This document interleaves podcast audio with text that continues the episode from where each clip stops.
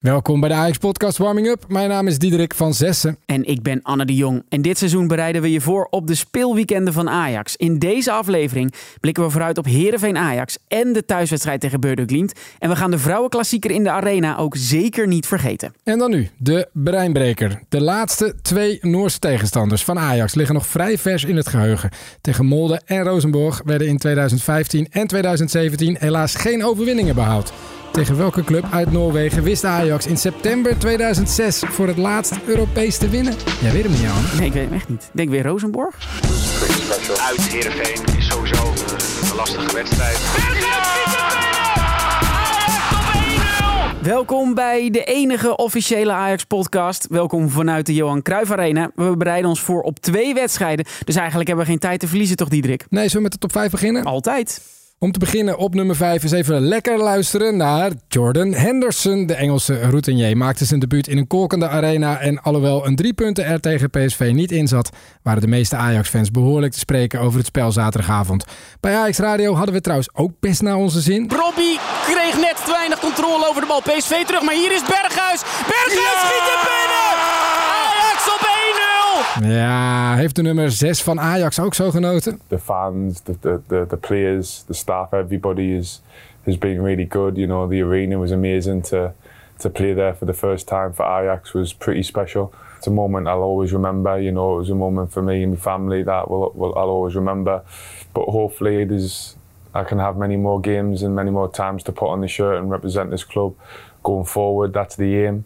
Um, so hopefully that's the, the first of many. Het hele interview staat op alle Ajax-kanalen. En weet je wat ik ook nog wel even speciaal mooi vond? Hij wilde het nog heel even hebben over zijn nieuwe ploeggenoot, Jorel Hato. crazy um, how young he is, but obviously how mature he looks when he's on the pitch and, and, and also off the pitch. You know, he's a really mature person, um, works hard, um, fantastic player, and yeah, he has, a, he has a bright future ahead of him, I'm sure. Op nummer 4 in onze top 5, de Champions League loting van de Ajax vrouwen. Afgelopen dinsdag werd bekend dat ze in de kwartfinale zullen uitkomen tegen Chelsea. Hein vroeg aan verdediger Kelly de Sanders en coach Suzanne Bakker hoe zij tegen die club aankijken. Ja, hele mooie club, mooie fans. Ook eh, ja, weer een ander type club dan, eh, dan twee andere teams. Eigen identiteit ook wel. Dus eh, ja, het is een mooie club. Wat weet je van de club? Ja, dat ze bovenaan in de league staan. Hè, drie punten los op de, nummer 2. ja, veel eh, ja, grote speelsters hè, met eh, eh, internationals. eh, veel caps achter hun naam. Dus ja, gewoon veel ervaring. Eh, ja, het Engelse voetbal is natuurlijk altijd eh, hoge intensiteit, ook fysiek. Ehm, ja, op tactisch gebied denk ik dat we prima mee kunnen. Ja, Chelsea is de nummer 1 van misschien wel de sterkste vrouwendivisie ter wereld, Anne. Maar Ajax speelt eerst thuis om de geweldige tijd van kwart voor zeven. En dus kunnen we dat thuisvoordeel ten volste uitnutten, lijkt me. Dinsdag 19 maart. Zorg dat je erbij bent. Kaarten zijn verkrijgbaar voor 19,50. Fans jonger dan 13 jaar betalen 15 euro. En als we het dan toch over de Ajax vrouwen hebben, wil ik op nummer 3 ook graag even plek maken voor de vrouwenklassieker. Voor de tweede keer in de geschiedenis wordt die in de Johan Cruijff Arena gespeeld. En mocht je deze podcast nou snel aan het luisteren zijn, dan is dit je kans nog om daarbij te zijn. De aftrap is namelijk zaterdagmiddag om 2 uur. En eerlijk is eerlijk, als de Ajax vrouwen nog iets van het eredivisie seizoen willen maken, dan is dit echt een must-win. De Feyenoord-vrouwen die zijn afgezakt naar een teleurstellende negende plek op de ranglijst. Terwijl Ajax tweede staat op nu nog een grote achterstand op FC Twente. Tickets zijn er al vanaf 7,50. Dus slijslag. Op nummer 2 in onze vorige aflevering brachten we het hete nieuws dat Julian Rijkhoff de overstap van Borussia Dortmund naar Ajax had afgerond. En afgelopen maandag maakte hij al zijn debuut bij Jong Ajax. Op bezoek bij Jong Utrecht stond de spits 73 minuten op het veld waarin hij niet scoorde, maar de ploeg wel won. En daar word je vrolijk van. Ik ben blij dat ik mijn eerste minuut in de benen heb weer. In het Ajax-shirt. Ik ben eh, ja, hartstikke blij. Ik ben goed ontvangen de afgelopen dagen. En eh, ja, gelukkig hebben we gewonnen ook. Ik hoorde net dat de eerste uitoverwinning was van dit seizoen. Dus eh, hartstikke blij dat ik eh, daar deel uit van kan maken. Voor Rijkhoff betekende de wedstrijd in de keukenkampioen-divisie zijn debuut in de betaalde voetbal. Tot nu toe speelde hij zijn wedstrijden in de jeugd van Dortmund. En dat verschilt nogal van voetballen in een Ajax-shirt. Ten eerste dat we gewoon durven te voetballen. Ik denk uh, als je waar ik vandaan komt uh, kijkt, dan is het vooral de bal naar de zijkant en een lange bal en hopen dat hij goed valt in principe. En hier durfden we echt uh, te voetballen. De keeper uh, uitstekend. Gewoon aan de bal rustig, onze verdedigers rustig. En eh, dat is wel het grootste verschil met eh, waar ik vandaan kwam. ja. Rustig. Voor het eerst in drie jaar speelde hij ook weer samen met zijn goede vriend Silvano Vos. Maar sowieso eh, donderdag of vrijdag toen ik voor het eerst op de club was, had hij besprong hij me in principe. Hij was hartstikke blij dat ik er was.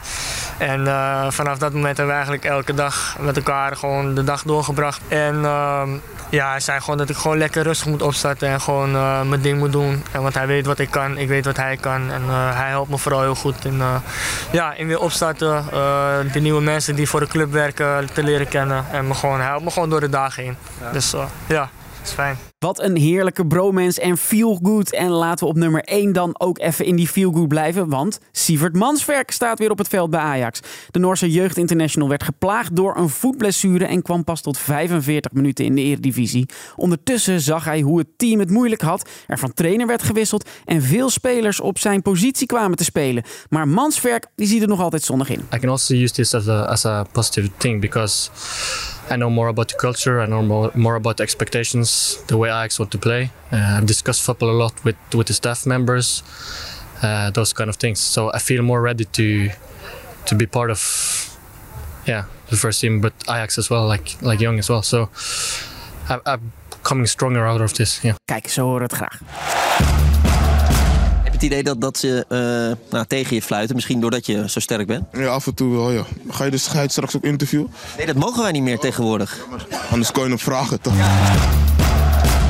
Het is tijd voor Ask Ajax. Dat is Willem Wever, maar dan over Ajax. Elke week zoeken wij een antwoord bij een vraag over de mooiste club van het land. Deze week buigen we ons over de vraag van luisteraar Annette. Bij de medische keuring van Jordan Henderson zag ik hem op een fiets zitten. Het is toch een voetballer? Wat voor tests worden er eigenlijk gedaan? Ja, ja, hingen allemaal apparaten op die fiets. Het is inderdaad een goede vraag. Sportarts Michael van Wijk die heeft het antwoord.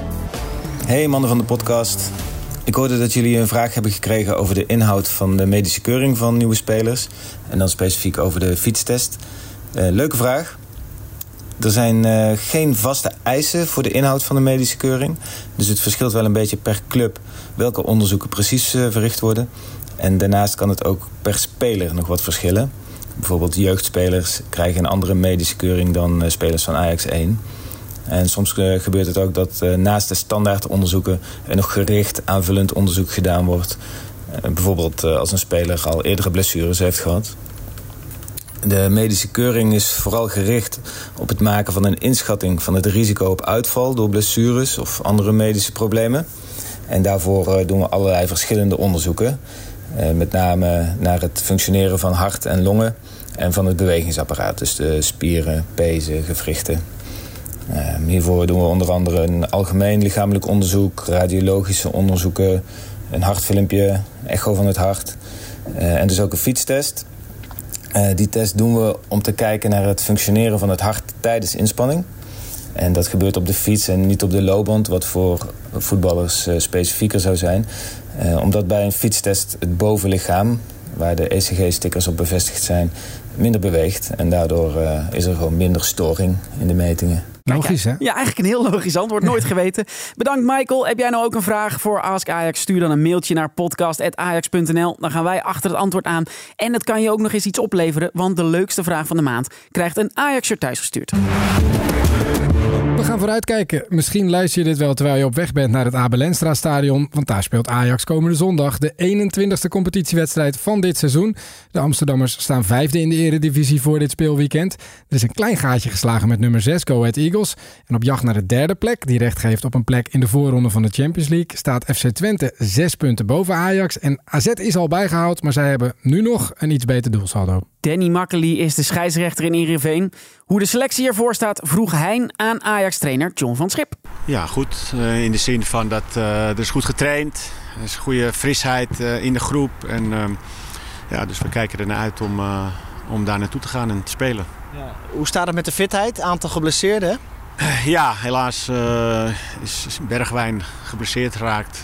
Ja, hij heeft een eh, spierblessure aan de, aan de bovenbeen opgelopen, helaas. Eh, en hoe ver we hem daarin gaan missen, dat is een beetje afhankelijk van ja, hoe zijn herstel gaat. Maar ik denk dat we hem in ieder geval februari missen en, eh, en, ook nog wel een gedeelte in maart. Dus dat hangt helemaal af van hoe hij eh, ja, gaat herstellen. Maar dat is een, eh, natuurlijk voor ons een, een speler die belangrijk is, aanvoerder. Dus ja, maar goed, dan moeten we dus op een andere manier gaan invullen. Bergwijn er dus niet bij, dan zijn wij meteen nieuwsgierig hoe hij vervangen gaat worden. Steve Berghuis is eh, aanvoerder, is de tweede aanvoerder. En eh, eh, ja, hoe we dat aan de linkerkant gaan oplossen, daar eh, doen we nog geen uitspraken over. Maar daar zijn we, we hebben wel ideeën over uiteraard. Ja, en hoe gaat het bij de Friese, Diederik? Nadat SC Heerenveen in november de uitwedstrijd van Ajax met maar liefst 4-1 verloor, beet de ploeg van zich af en volgde er in de eredivisie drie ruime overwinningen op rij.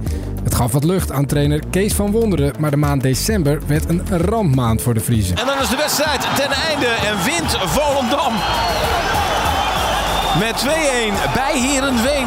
Ja, zelfs de hekkensluiter was te sterk voor Heerenveen. Vanaf 1 december is het niet meer gewonnen en inmiddels zijn de Friese zelfs al afgegleden naar de 13e plek met 22 uit 20. In het rijke Ajax radioarchief waren behoorlijk wat mooie edities van dit affiche te vinden. Thuis scoort Ajax eigenlijk altijd vier of vijf keer tegen Heerenveen. Maar ook uit gaat het vaak makkelijk. Herinner je bijvoorbeeld nog de 0-3 in de halve finale van de beker twee jaar geleden? Ja, toevallig wel, eh, want toen hadden we rode broekjes aan. Ja, dat was eh, apart, ja. Wel een leeg stadion. Ik heb nog eh, een mooi fragment gevonden trouwens in dat archief. In maart 2015, hele andere wedstrijd weer, stuurde Frank de Boer een elftal in de wei van gemiddeld 21 jaar en 166 dagen. Ze kwamen al vroeg op voorsprong en in de tweede helft maakte Arek Milek het karwei af. Een steekman van Bazoer is goed. Achterlijn El Ghazi. Voorzet komt. Milik moet hem maken. En hij maakt hem. Klasse aanval zeg. Potverdomme. Ja, potverdomme. Leuk om weer eens eh, te horen. Ajax is al 29 eredivisie-duels ongeslagen tegen Heerenveen. De laatste keer dat er wel werd verloren was trouwens in 2009. Ajax verloor met 0-1 van Heerenveen in de eigen arena, waardoor het kampioenschap uit het zicht verdween en hoofdcoach Marco van Basten de volle laag kreeg. Maar weet je wie er toen de assistent was, Anne? Dat is natuurlijk John van Schip, die we dus zojuist eh, spraken. En we vroegen hem ook nog eens naar zijn blik op de tegenstander, Heerenveen. Ja, Heerenveen is eh, wisselvallig geweest eh, de laatste periodes. Maar tegen ons hier in de arena, heb, ondanks dat de uitslag eh, 4-1 was, de- ja, was het gewoon een lastige wedstrijd. En uit Heerenveen is sowieso een, een lastige wedstrijd. Eh, dus ja, wij moeten ons daarin eh, go- goed voorbereiden. Dat, dat doen we ook. En, eh, en proberen daar weer eh, met drie punten weg te gaan. John van Schip heeft deze week nog een wedstrijd om zich zo goed op voor te bereiden. Beude Glimt komt op bezoek in de tussenronde van de Conference League. Jij hebt je verdiept in deze club, Anne. Bodo is een plaatsje in het noorden van Noorwegen. Glimt betekent zoiets als glimmend of shine, zoals de Engelsen zouden zeggen. En als het gaat om de prijzenkast, dan glimt het de laatste jaren inderdaad behoorlijk. Bodo liet zich de afgelopen vier jaar drie keer kronen tot de Noorse kampioen. Zo ook op 12 november. Og der er det over. Bodø-Glimt er seriemestere 2023. Ålesund spiller i Obos-ligaen i 2024. Ja, 12 november inderdaad. De hoogste Noorse eredivisie. De elite serien loopt van april tot december. En dus speelt de ploeg van de populaire trainer Kjeld Knutsen nu geen wedstrijden op nationaal niveau. De afgelopen jaren heeft ze dat er niet van weerhouden om Europees hoge ogen te gooien. Zo wonnen ze al eens van Celtic, AZ en AS Roma. Veel sterspelers uit die tijd zijn inmiddels vertrokken. Maar Ajax moet in het bijzonder letten op de ervaren spits Amal Pellegrino en de jonge Deense middenvelder Albert Grunbeck die door verschillende Engelse ploegen wordt begeerd. Dat was hem bijna voor deze week. Wil je reageren? Doe dat dan via mail op podcast.ajax.nl. Stuur daar ook je Ask Ajax vraag naartoe. Of gebruik hashtag AjaxPodcast op social media. Drie wedstrijden om te volgen bij Ajax Radio deze week. We zijn er live bij tijdens de vrouwenklassieker. Dat is zaterdag om 2 uur. Een dag later om half drie volgen we Heerenveen Ajax op de voet. En donderdagavond 9 uur verslaan we iedere seconde van Ajax Bodo Glimt. Luisteren doe je via Ajax Radio op ajax.nl, de Ajax app of via onze eigen zender op Juke. En dan wil je natuurlijk nog weten wat het antwoord is op de Ajax breinbreker van deze week. Anne, jij wil het ook weten. Ik zie het Ja. aan je. Eh, wat was toch die Noorse club tegen wie Ajax in 2006 een Europese wedstrijd won? Viking, Stabæk, Valerenga, Ik heb het goede antwoord nog niet gehoord. Het gaat om IK Start. Oh. Uit 2-5 en eh, thuis in de arena 4-0. Topscorer over twee wedstrijden met drie goals. Was een zweet voor Ajax. Ibrahimovic, Weet je dat ook nog? Nee. Rosenberg. Ja, die heb je wel goed. Tot volgende week.